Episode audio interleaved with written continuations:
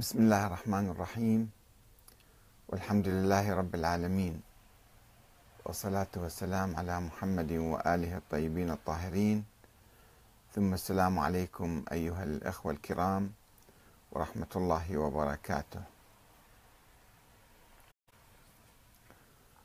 ضمن سلسلة أحاديثنا عن مراجع الشيعة الكبار منذ القرن التاسع عشر وإلى اليوم نتوقف عند محطة جديدة هي آه، موقف السيد محمد كاظم اليزدي الذي توفي سنة 1919 من الاحتلال البريطاني للعراق سنة 1914 بداية الاحتلال وإعلانه الجهاد ضد القوات الغازية ثم موقفه من ثورة النجف سنة 1918 بعد حوالي ستة أشهر من الاحتلال.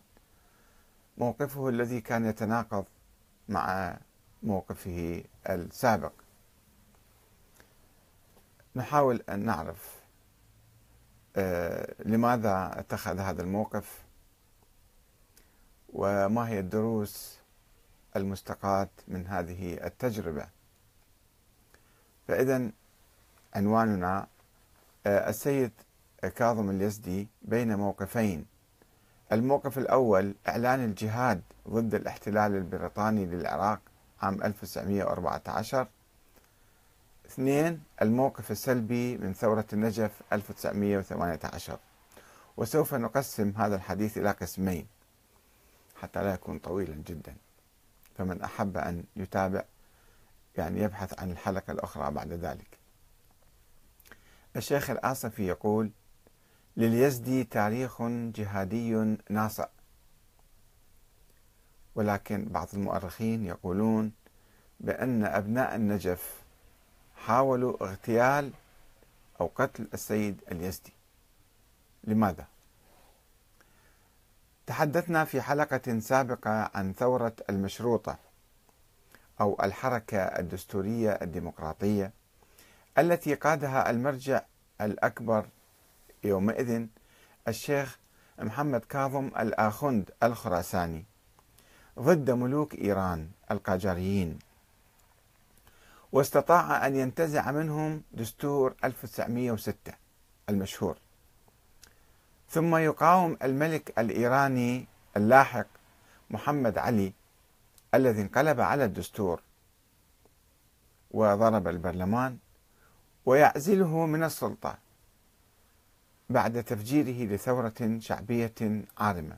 الشيخ الاخند فجر ثورة شعبية عارمة في وجه هذا الملك وأسقطه وتوفي في نفس الوقت. تحدثنا عن هذا الموضوع في الحلقة السابقة وتطرقنا في ذلك المقال إلى موقف بعض العلماء في إيران والعراق من مع آه، موقفهم مع استبداد الشاه وتيار المستبدة في مقابل المشروطة وعلى رأسهم المرجع النجفي المنافس للخراساني وهو السيد كاظم اليزدي. الذي استلم المرجعية العليا للشيعة بعد وفاة الخراساني سنة 1911 ولم تكد تمضي بضعة سنوات على تسلمه قيادة الشيعة حتى انفجرت الحرب العالمية الأولى واحتل الإنجليز العراق أو نزلوا في الفاو في البداية. وكانت لليزدي مواقف متعددة ومتناقضة. حيث يروى أنه في بداية في البداية اتخذ موقفا معاديا للاحتلال وأفتى بوجوب مقاومته. ثم ينقل عنه أنه اتخذ موقفا مهادنا إذا لم يكن متعاونا مع الاحتلال بعد وقوعه. ولنستمع في البداية إلى الشيخ محمد مهدي الآصفي وهو ينقل لنا في مقال له صورة اليزدي المقاوم للاحتلال والرافض لأي تعاون معه.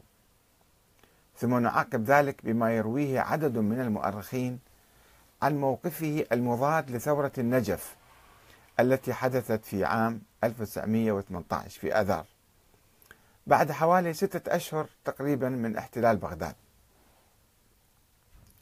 يقول الآصفي تحت هذا العنوان التاريخ الجهادي الناصع للسيد كاظم اليزدي. يقول إن القوات إن القوات البريطانية دخلت العراق وبالتحديد دخلت الفاو في 6 تشرين الثاني 1914 لاحتلال العراق.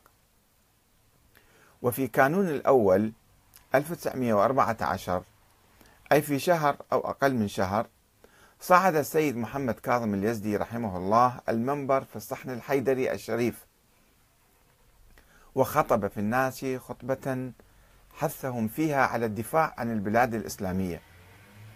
وأوجب على الغني العاجز بدنا أن يجهز من ماله الفقير القوي.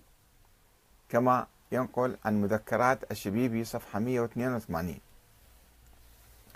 وفي 7 محرم 1333 أي في نفس شهر تشرين الثاني 1914 ولم يمر على احتلال الفاو إلا بضعة أيام. توجه وفد من علماء النجف إلى بغداد ليتوجهوا منها إلى جبهة الحرب عن طريق دجلة. وكان الوفد يومئذ يضم الشيخ فتح الله شيخ الشريعة الإصفهاني الذي أصبح مرجعا لاحقا. والسيد علي الداماد التبريزي والسيد مصطفى الكاشاني والد السيد أبو القاسم الكاشاني الثائر الإيراني المعروف.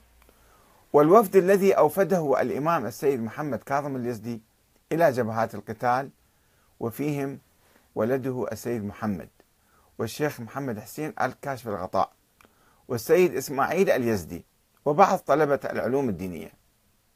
كما يقول حسن الأسدي في كتابه ثورة النجف صفحة 91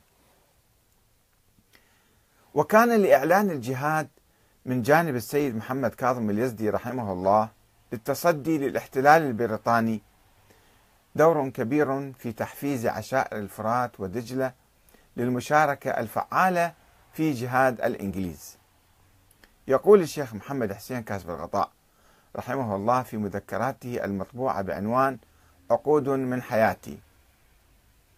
وهاجمت وهاجت الحمية الدينية بعلماء الإمامية والمراجع الدينية فخرجوا بأنفسهم إلى الجهاد في الجبهات المختلفة التي ساق العدو قواه إليها. وكانت الزعامة الروحانية قد انحصرت بعد وفاة الأستاذ الخراساني بالسيد الأستاذ الطباطبائي يعني السيد محمد كاظم الطباطبائي اليزدي. وحيث رأى القضية هجوم الكفر على الإسلام لم يتوقف من إعلان الفتوى بوجوب النفير العام على كل متمكن من الدفاع. كما يقول الشيخ كاشف الغطاء في كتابه عقود حياتي صفحة 100 إلى 101 ولما علم السيد محمد كاظم اليزدي أن بعض المعممين أرسلوا برقية إلى ملك بريطانيا هنا لا يقول من هم المعممون. يهنئونه على احتلال العراق ويطلبون منه حماية العراق والعتبات المقدسة. غضب غضبا شديدا فكتب في جواب من استفتاه عن حكم هذا المعمم. الرجل الذي ارتكب هذا الفعل الشنيع هكذا قال السيد يزدي. الرجل الذي ارتكب هذا الفعل الشنيع فاسق فاجر لا يدفن في مقابر المسلمين. صفحة 145 وقد ذكرت مسبل الجاسوسة البريطانية المعروفة هذه الرسالة وجواب ملك بريطانيا في كتابه آه، أو في كتابها عن تاريخ العراق صفحة سبعة. ولكن بعد بعدما احتل الإنجليز العراق هكذا يواصل الشيخ الآصفي الكلام. يقول بعدما احتل الإنجليز العراق كان يراجعه بعض شيوخ العشائر آه، بعض بعض شيوخ العشائر في إعلان الجهاد ضد الإنجليز مرة أخرى إلا أن السيد الطباطبائي كان يرى أن الوقت لم يحن بعد لإعلان الجهاد ولا بد من فرصة لتحضير الناس والعشائر وكان يقول أنا لا آمركم ولا أنهاكم حتى يتهيأ الناس للجهاد. إلا أن الأجل عاجله رحمه الله قبل أن يستطيع أن يعمل شيئا. هنا طبعا الشيخ الآصفي لم يذكر المصدر ولا نعرف هل هو خبر وصله أم هو تحليل منه أنه كان ينتظر. يعني مراجعة شيوخ العشائر للسيد كاظم اليزدي هذا ثابت بالتاريخ ولكن آه، أنه هو كان ينتظر أو هو كان يرى مثلا الوقت لم يحن هذا يبدو تحليل من الشيخ العاصفي المهم يواصل الشيخ العاصفي قوله. ويقول الشيخ كاشف الغطاء في طبائع أستاذه السيد الطباطبائي ومنهجه السياسي ونفسيته. يقول كان السيد رحمه الله صعب المراس شديد الشكيمة في غاية الحذر وسوء الظن لا يغر ولا يخدع. صفحة 119 فيعقب الشيخ الآصفي على هذا القول ويقول ولعل هذه الخصال النفسية والحذر والانتباه وبعد النظر الذي كان يتمتع به السيد كاظم كان يدعوه إلى التريث في الاستجابة لطلب بعض الناس في إعلان الجهاد للمرة الثانية من دون تحضير وإعداد. هذا أيضا يقول الشيخ الآصفي يقول ولعل يعني ليس متأكدا وإنما يحلل الموضوع. ومهما يكن من أمر يواصل الشيخ العاصفي ومهما يكن من أمر فلست أريد أن أدافع عن موقف السيد الطباطبائي اليزدي رحمه الله في التوقف عن الاستجابة لدعوة بعض العشائر إلى إعلان الجهاد مرة أخرى ضد الإنجليز. وإنما أقول إن هذه رؤية ونظرية وهو رحمه الله بالتأكيد أدرى منا بالظروف السياسية الصعبة التي كان يعيشها أمام الاحتلال الإنجليزي للعراق. ويواصل الشيخ العاصفي يقول: وبعد مقتل الكابتن مارشال اللي هو حاكم النجف كان ومحاولة اغتيال بالفور حاكم الشامية جاء النجف بعد مقتل آه، مارشال ومحاولة اغتيال بالفور في النجف من قبل أولاد سعد راضي شخصية نجفية أراد الإنجليز الانتقام من النجف فطلبوا من السيد الطباطبائي اليزدي مغادرة النجف لقصفها قصفا وحشيا شرسا وأرسلوا إليه أن يخرج هو وعائلته من النجف. إلا أن السيد الطباطبائي رفض طلب الإنجليز رفضا قاطعا وقال لهم إن أهالي النجف كلهم أو كلهم عائلتي فحمى الثوار من انتقام الإنجليز. كما يقول ينقل الشيخ الآصفي عن كتاب السيد محمد كاظم الطباطبائي اليزدي لمؤلفه كامل سلمان الجبوري صفحة 447 ولكن كما تلاحظون وكما يقول الآصفي فإن السيد كاظم اليزدي اتخذ موقفا سلبيا ولم يستجب لنداء العشائر العراقية بإعلان الثورة على الإنجليز بعد احتلالهم للعراق. ويبدو أن الآصفي يعترف بموقف ضعيف لليزدي ويقول إنه لا يريد الدفاع عنه يعني كأنه هو موقف ضعيف فهو ما يريد يدافع عنه.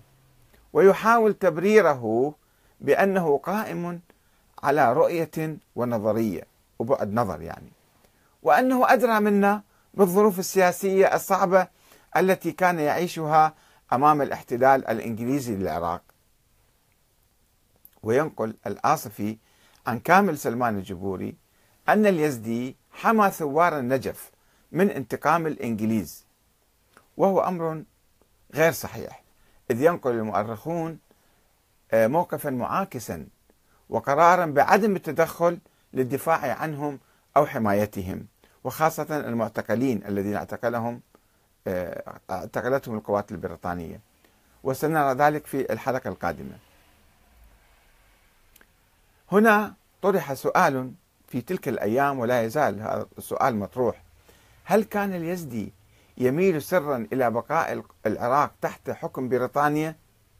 بعد وقوعه يعني. آه، لنرى ما ماذا حدث بعد ذلك. بعد احتلال بريطانيا للعراق عام 1917 حدثت مظاهرات عارمة في مدن العراق المختلفة تطالب قوات الاحتلال بالرحيل ومنح العراق الاستقلال والحرية كما وعدت بريطانيا التي قالت جئنا محررين لا فاتحين تحت هذا الشعار. كما وعدت أثناء الحرب فاضطرت بريطانيا إلى استفتاء الشعب. ماذا يريد؟ هل يريد حكم بريطانيا المباشر أو الاستقلال وتشكيل حكومة وطنية؟ وكان التيار الغالب بالطبع هو التيار المطالب بالاستقلال والتحرر من نير قوات الاحتلال. وقبل آه، أن آه، عفوا وتقرر أن يجري أن يجرى الاستفتاء في النجف في 13 كانون الأول 1918 كانون الأول 1918 وقد وصل الحاكم العام ويلسون حاكم البريطاني العام في العراق كان اسمه ويلسون وصل إلى النجف بالطائرة في عصر 11 منهم. وفي صباح اليوم التالي ذهب لزيارة السيد كاظم اليزدي في بيته في الكوفة واختلع به ودار الحديث بينهما باللغة الفارسية التي كان ويلسون يتقنها. وقد ذكر ويلسون في تقرير سري له أن السيد كاظم قال له إني أتكلم بالنيابة عن أولئك الذين لا يستطيعون أن يتكلموا عن أنفسهم. إن الحكومة يقصد البريطانية المحتلة مهما فعلت فإنها ينبغي أن تأخذ بعين الاعتبار مصالح الشيعة وخصوصا الجماهير التي لا تحسن التعبير عن نفسها والتي لا معين لها. فهؤلاء الناس ليسوا متمدنين وإذا نصب عليهم موظفون عرب أدى ذلك إلى الفوضى إنهم لم يتعلموا النزاهة بعد. وإلى أن يحين الوقت الذي يتعلمون فيه النزاهة يجب أن يظلوا تحت سلطة الحكومة. ليس هناك رجل يمكن أن يقبل أن يقبل به الناس اميرا كما ينقل الوردي في كتابه لمحات اجتماعية من تاريخ العراق الجزء الرابع صفحة 69 هذه ينقل عن تقرير سري لويلسون في مذكراته أو في وثائق سرية. ولكن السؤال هو كم يمكن الاعتماد على تقرير ويلسون السري في لقاء خاص بينه وبين كذا؟ هذا هل هو ثقة يعني؟ هل يمكن الاعتماد عليه؟ هل يمكن اعتبار أنه هو دي يكتب إلى إلى حكومته مثلا؟ هذا التقرير ما يكذب. يعني سؤال آه، هل يمكن الاعتماد على تقرير ويلسون السري عن موقف اليزدي من الاحتلال البريطاني في ظل عدم إعلان اليزدي أي موقف سلبي أو إيجابي؟ المعروف أنه امتنع عن اتخاذ موقف. فهل هو كان في السر مثلا يميل إلى بقاء القوات البريطانية في العراق؟ وكان يقول هو أنا رجل لا أعرف السياسة. بعد ذلك عندما كان يستشيره الناس يقول أنا رجل لا أعرف السياسة أنتم روحوا قرروا بأنفسكم. فهنا علامة استفهام لا ننفي هذا التصريح ولا نؤكده بالحقيقة. وفي اليوم المحدد للاستفتاء أي 13 كانون الأول تم عقد اجتماع في دار الحكومة خارج أسوار النجف. حضره ويلسون. اجى نفسه حتى يشوف رأي أهالي النجف. ومجموعة من الزعماء والعلماء فطرح عليهم السؤال التالي. هل ترغبون في بقاء في حكم بريطانيا؟ أم تريدون حكومة وطنية عربية؟ عرفونا رأيكم النهائي. هكذا قال ويلسون لقادة النجف وزعماء النجف. فاختلف الحاضرون. بعضهم قالوا نعم نريد حكومة بريطانية وبعضهم قالوا لا نريد الاستقلال. وقال عبد الواحد الحاج سكر هذا معروف زعيم عشيرة كبيرة والشبيبي أيضا كان هناك محمد رضا الشبيبي فقالوا بل نريد حكومة عربية وطنية. بصراحة في في وجهه كان يمكن يتوقع أنه راح آه، هذول الناس كلهم يقولون خلينا نقبل بالحكومة البريطانية مثل الهند يعني. ولما فوجئ بالجواب طلب من الحاضرين أن يرسلوا جوابهم إليه بواسطة الميجر نوربري. قال بعدين ترك الاجتماع وقال بعدين جاوبوني جوابكم النهائي. وذهب المجتمعون إلى السيد كاظم اليزدي يسألونه ما هو رأيك حتى نتبعه يعني. فقال لهم القضية مهمة ولكل عراقي حق فيها ويجب أن تعقدوا اجتماعا عاما يحضره الجميع من جميع الطبقات. وذكر لهم أن كل فرد له الحق في إبداء الرأي سواء كان تاجرا أم بقالا زعيما أم حمالا. هكذا نص العبارة مالته كما ينقل الوردي في كتاب لمحات اجتماعية جزء 4 صفحة 70 إلى 71 فقالوا أنتم روحوا سووا اجتماع عام من أهالي النجف كلهم في ساحة كبيرة وشوفوا الناس أكثريتهم ماذا يريدون. فاجتمعوا. أهالي النجف اجتمعوا وحدث اختلاف كبير بينهم. قسم كانوا يريدون بقاء القوات البريطانية وقسم كانوا يريدون الاستقلال. فذهبوا إلى اليزدي يسألونه عن إبداء رأيه مرة أخرى ذهبوا إليه. ليكون الحكم الفصل في هذا الاختلاف. أعطينا رأيك حتى أنت تحسم الخلاف الجاري. فاعتذر اليزدي عن إبداء أي رأي. وقال أنا رجل لا أعرف بالسياسة بل أعرف هذا حلال وهذا حرام. كما ينقلون عنه. وبعد الإلحاح عليه قال لهم اختاروا ما فيه صلاح المسلمين. أيضا يعني جواب عام. أنتم تشوفون صلاح المسلمين ما هو اختاروا ولم آه، يعني آه، ينص على حل معين. وكان يمكن طبعا يقول أنه اختاروا الاستقلال ولكنه لم يقل هذا الكلام. وهذا طبعا يعلق عليه الوردي آه، يقول يبدو أن موقف اليزدي هذا أيد موقف الموالين للحكومة البريطانية. وقد تمكن السيد هادي النقيب من تنظيم مضبطة تحمل 21 توقيعا من وجهاء النجف وتجارها بالإضافة إلى توقيعه يطلبون فيها الحكم البريطاني المباشر. ولكن المعارضين الحكومة استطاعوا بعد إذن أن ينظموا مضبطة ثانية تحمل تواقيع عشرة أشخاص يعني ثلث النجف تقريبا ثلثين كانوا مع البقاء البريطاني وثلث مع الاستقلال. يطلبون في هذه المضبطة إقامة حكومة مستقلة تحت رئاسة أمير عربي.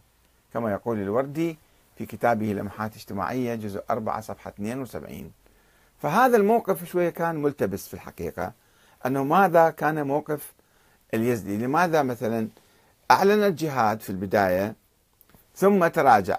هل هو نوع من الانهيار النفسي؟ هل هو نوع من ال يعني عدم الثقة بالجماهير؟ هل هو آه، مثلا إحباط نفسي صار عنده؟ تعليلات كثيرة. يعني البعض اتهمه بالعمالة كما سوف نرى في الحلقة القادمة إن شاء الله. والبعض قال لا هو إنسان نزيه مؤمن مخلص عالم ورع تقي. ولكنه آه، كما قال الشيخ الآسفي نظر أنه كان بعد الوقت ما حان وربما بعدين راح يعلن. طيب ما حدثت الثورة في النجف؟ فلماذا مثلا لم ينصر هذه الثورة؟ ولماذا كما يقال خذلها سوف نرى ذلك في الحلقة القادمة بعد قليل إن شاء الله. انتظرونا بعد قليل. والسلام عليكم ورحمة الله وبركاته.